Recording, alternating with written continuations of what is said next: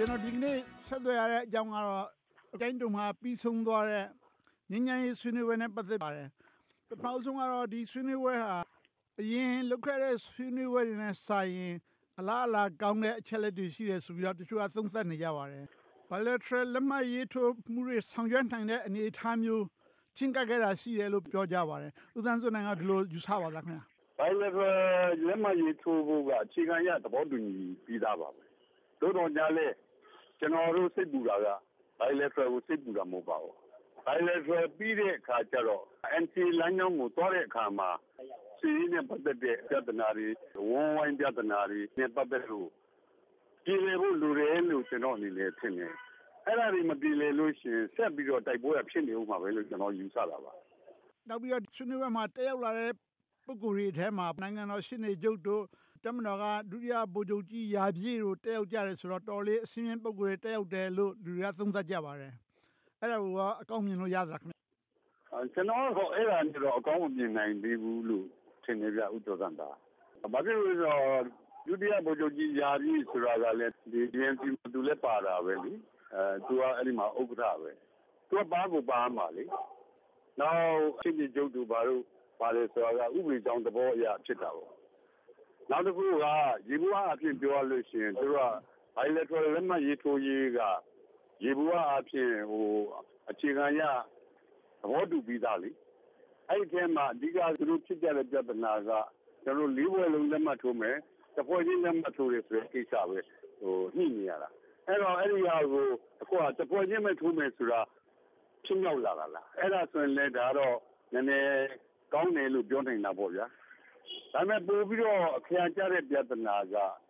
bilateral လက်မှတ်ရေးထိုးပြီးလို့ရှိရင် စစ်နယ်မြေတွေတတ်မှတ်တဲ့ကိစ္စနော်နောက်ပြီးတော့ စစ်လှုပ်ရှားမှုစီးမြင်နေဒီကကျွန်တော်တို့ညှော်လင်းမြက်က ဘာလဲဆိုလို့ရှိရင် စစ်ရှင်ကြောက်ချာကြီးနော်နောက်ပြီးတော့ နှစ်ဖက်တပ်တွေကျွန်တော်တို့နေရာတွေတတ်တတ်မှမှစီးမြင်အဲစီကနဲ့အညီ ချမှတ်နိုင်ကျွန်တော် တခုလွှမ်းခြုံပြီးတော့ သုံးသပ်ချင်တာက အခုတလောမှာ တပ်မတော်ကာကွယ်ရေးဦးစီးချုပ်က အတော်လေး သဘောထားပျော့ပြောင်းမှုတွေကို ပြလာတယ်လို့ တွေ့ရပါတယ် မီဒီယာတွေလိုရပေါ့လေ ဆိုတော့ သူရဲ့သဘောထား ပျော့ပြောင်းလာတာသူကနိုင်ငံရေးခြေလှမ်းတစ်ခု လှမ်းလာတာလို့လည်းပဲသုံးသပ်ဆရာ ရှိနေတာပေါ့လေ တကယ်လို့ သူကို၌ကအဲ့လိုဒါရီမှန်းကျဲနဲ့ဖြစ်ဖြစ် အဲ့လို ပျော့ပြောင်းတဲ့ သဘောထား ပြလာတယ်ဆိုရင်တော့ဒီညဉ့်ညဉ့်ဆွေးနွေးပွဲမှာ ကောင်းတဲ့အကျိုးသက်ရောက်မှု ဖြစ်မလာနိုင်ဘူးလားခင်ဗျာအေးဗျာကျွန်တော်လည်း အဲ့ဒီကိစ္စ စဉ်းစားကြည့်ပါတယ် အခုတော့တမကာကွယ်ရေးဦးစီးချုပ်ရဲ့လှုပ်ရှားမှုတွေကနော်နည်းနည်းပျော့ပြောင်းနေလို့ကျွန်တော်မြင်ပါတယ်ခင်ဗျ။သို့တော့ဘယ်ပေါ်မှာပျော့ပြောင်းတာလဲ။ဆိုလိုတာကနိုင်ငံတကာကသူ့ကိုသူနဲ့ဒီထိတ်တန်းစစ်ကောင်းဆောင်တွေကိုအရေးယူဖို့အတွက်နော် IOC တို့ဘာတို့က PR ကြီးများလာတဲ့အပေါ်မှာအဲ့ဒီလှုပ်ရှားမှုတွေပေါ်ပြတာပါ။သို့တော့ခြားတစ်ဖက်ကဒီနေ့စွတ်တော်မှာတင်တဲ့ ကျွန်တော်တို့59စာလုံးကိုတက်မတော်က တိုးချဲ့တယ်ဆိုတာ အခြေခံအရ သူတို့ကထူးသဖြင့်ပေါ့ဗျာဟို NLD နဲ့ ပတ်သက်ပြီးတော့ ပို့ပြီးတော့ ပူပေါင်းဆောင်ရွက်ဖို့နဲ့ အမျိုးသားပြန်လည်သိမြတ်ရေးဆိုတဲ့ သဘောထားတွေကတော့ သိရှိသေးလို့မရဘူးလို့ ကျွန်တော်ယူဆပါတယ် နော် အဲ့တော့ ဆိုတော့ကတချို့ဘက်တွေမှာတော့နော်ပျော်ပြောင်းမှုတွေ တွေ့ပါတယ် ဒီမှာလဲအခု21ရက် တိုးချက်ပြီးတာတို့ ဘာလို့လဲတွေ့ပါတယ်နော်သို့တော်ညာလဲအဲ့ဒါ ကျွန်တော်တို့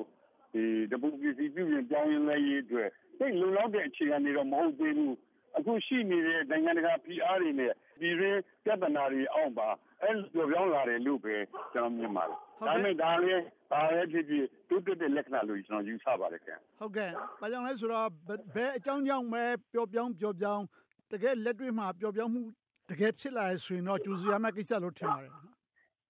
ဟုတ်ကဲ့ကျွန်တော်လည်းအဲ့လိုပဲမြင်ပါတယ်ခင်ဗျဥကျော်စန္ဒာအဲ တချို့ဘက်တွေမှာပျော်ပြောင်းတော့တချို့ဘက်ဒီမှာဆက်တင်းမှနေတယ်ဆိုရင်တော့အနေထားတစ်မျိုးပေါ့ဗျာနော်ကျွန်တော်တို့အနေနဲ့ထပ်ပြီးညှော်လင့်ရမှာပေါ့နော်ဒါပဲဖြစ်ဖြစ်ဆရာပြောသလိုပဲအားပဲပြောပြောပြောပြောကျွန်တော်တို့ကတော့ကြိုးစိုးပါတယ်နော်တို့တော်ညာလဲကျွန်တော်တို့ဖြစ်စီခြင်းတဲ့အတိုင်းတာထိရောက်ဖို့ကတော့ကာလတစ်ခုတော့စောင့်ကြည့်ရအောင်မယ်လို့ထင်ပါတယ်အထူးသဖြင့်အခုကျွန်တော်တိုင်းတုံစီဝေးကိုပြိတ်ပြီးတော့ဟိုမလင်းနဲ့ထားတယ်ဆိုတာကအဓိကကဒီကိစ္စက ဒီဖြစ်နေတဲ့တိုက်ပွဲတွေရဲ့အနေထားကသူစစ်ဖက်ချင်းတိုက်တဲ့ပြဿနာတဲ့လူထုကိုထိခိုက်လာတဲ့လူထုကအပြစ်မှတ်ထဲဝင်လာတဲ့အနေအထားပေါ်မှာစစ်ချင်းလျှော့ရှာဖို့နှစ်ဖက်လုံးကသဘောတူတဲ့အနေအထားတရားကိုကျွန်တော်တော့စောင့်မျှော်နေတာပါ။အဲဒီအနေအထားထိတော့မရောက်သေးဘူးလို့ကျနော်ထင်ပါတယ်။”နောက်တခုက AA တပ်ကိုသူတို့ရဲ့ဇာတိရခိုင်ဒေသမှာ အခြေချခွင့်ပေးမယ့်ကိစ္စဘယ်လောက်အရေးကြီးပါလဲ။အဲဒီကိစ္စမပြေလည်ရင်ကောဒီဆွေးနွေးပွဲရှေ့တိုးနိုင်မယ်ထင်ပါလားခင်ဗျာ။ကျနော်ပြောတဲ့တပ်တည်ပြဿနာဆိုတာအခိုင်အမာမပြောသေးလို့ပါ။အခိုင်အမာပြောရလို့ရှိရင်အဲဒီပြဿနာကိုတပ်မတော်ကလက်တွေ့ကျကျအသိအမှတ်မပြုဘူးဆိုရင်ဒီဆွေးနွေးပွဲကဆက်ပြီးအလုပ်ဖြစ်မှာမဟုတ်ပါဘူး။အဲဒီတော့ရခိုင်ပြည်ဟာအဖြူရောင်နယ်မြေဖြစ်တယ်။ ဒါကြောင့်မို့ သူတို့ကိုချင်းပြည်နယ်ကို ပြန်ရမယ် ပြန်လွှတ်ရမယ်ဆိုတဲ့ ကိစ္စဟာတဘာဝလည်း မကြဘူး လက်တွေ့လည်း မကြဘူး အဲ့ဒီကိစ္စမှာတမတော်က ပျော်ပြောင်းစွာ သဘောထားတဲ့နေလို့ ကျွန်တော်ထင်တယ် အဲ့ဒီကိစ္စမှာ ပျော်ပြောင်းမှု မရှိဘူးဆိုလို့ရှိရင် အခု ဒီစီးရီးနွေးတွေ ဆက်တူဖို့က အတော်ခက်ပါလိမ့်မယ် အလားတူပါပဲတရားလုံးဒေတာလည်း အဲ့လိုပါပဲ ဟုတ်ကဲ့ အေးကိုကချင်ကနေပြီးတော့အစတုန်းကတော့ကချင်မှာပဲပြန်နေရမယ်နောက်တော့ရှမ်းဘက်ကိုနေခွင့်ပြတယ်လို့လည်းပဲတလောတုန်းကကြားလိုက်ရပါတယ်အဲ့ဒါဘယ်လောက်ထိရောက်တဲ့လိုက်လျောမှုလဲခင်ဗျာတကယ်တော့အဲ့လိုလိုက်လျောခဲ့သလားသူတို့ဘက်က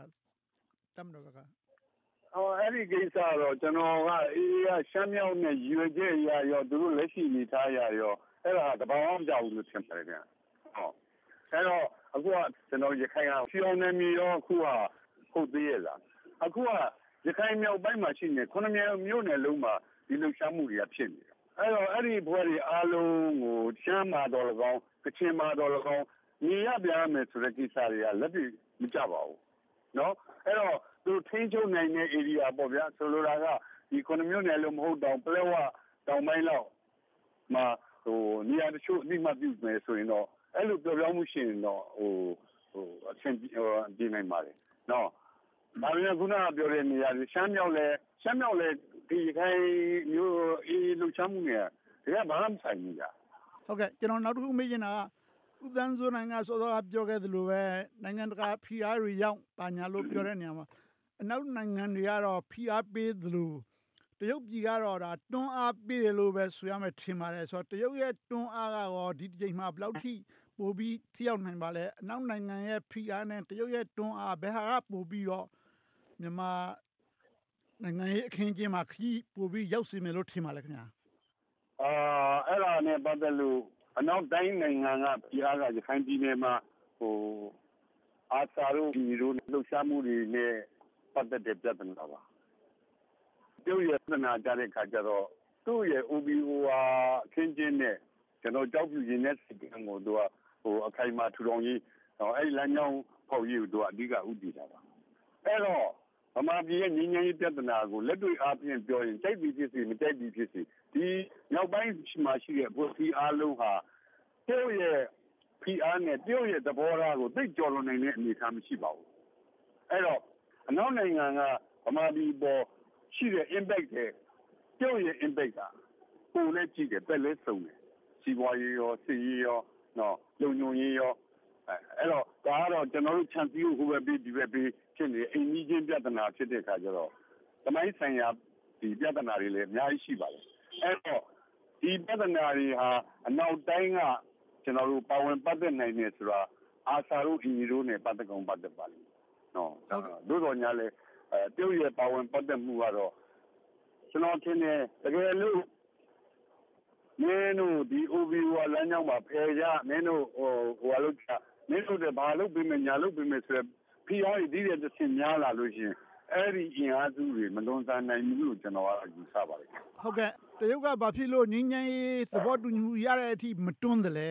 တရုတ်ရဲ့ဖိအားကိုခုနတိုင်းသားအင်အားစုတွေကမလွန်ဆန်နိုင်တော့လည်းပဲအာဏာပိုင်တွေဘက်ကလွန်ဆန်နေလို့များလားသို့ဒီမို့တရုတ်ကို၌ကခီးဆုံးထိမနိုင်ရောက်တဲ့အထိတွန်းမပို့တာလားဆိုတာလည်းပြောပါဦးခင်ဗျဘယ်လိုသဘောပါလဲအော်ဟုတ်ကဲ့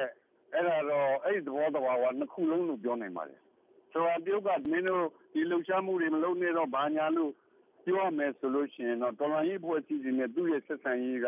တစ်လျှောက်လုံး ဒီသဘောထား မရှိခဲ့ပါဘူး မရှိတဲ့အတွက် အဲ့ဒီအခြေအနေဒီလေတော့တွန်းပို့မှာ မဟုတ်ပါဘူး ဒါပေမဲ့ခုက သူ့ဂျိုးစီဝါနဲ့ ပတ်သက်လာလို့ဒါသူက ပြောတာကိုနော်ဒါပေမဲ့ အဲ့လို ပြောဆိုလာမှုအပေါ်မှာ လက်တွေ့အဖြစ်ဒီနေ့ ဘာဖြစ်နေလဲဆိုတော့ အခု ဒီတက်တော်က တရုတ်ပြည်နယ်ပတ်သက်တဲ့ဒေါ်ရမှာ အရင်ကလည်းစာရင် ပိုပြီးကင်းမာလာတယ် ဒီဆွေးနွေးပွဲနဲ့ ပတ်သက်ပြီး နေရာကို ရွေးချယ်တဲ့အခါမှာလည်း တရုတ်ပြည်ကို ရွေးချယ်မှုနဲ့ ပတ်သက်ပြီးတော့ တပ်မတော် တော်တော်ခါးခါးသီးသီးဖြစ်လာတယ် ဆိုလိုတာကတော့ ဗမာပြည်ကြီးနဲ့ ပတ်သက်ပြီး တရုတ်ရဲ့ ပါဝင်ဆွတ်ဖက်မှုက နည်းနည်းလွန်လာပြီလို့တမ်းမတော်ကလည်း အကဲဖြတ်ပုံရပါတယ်။သုံးတရားကဟန်တားလို့တဲ့ သဘောလက္ခဏာတွေ တွေ့လာရပါတယ်။ဒါက အခုလက်ရှိ ဆက်ဆံရေးနဲ့ ပတ်သက်တဲ့ ကျွန်တော်နောက်ဆုံးသိတဲ့အနေအထားပါပဲ။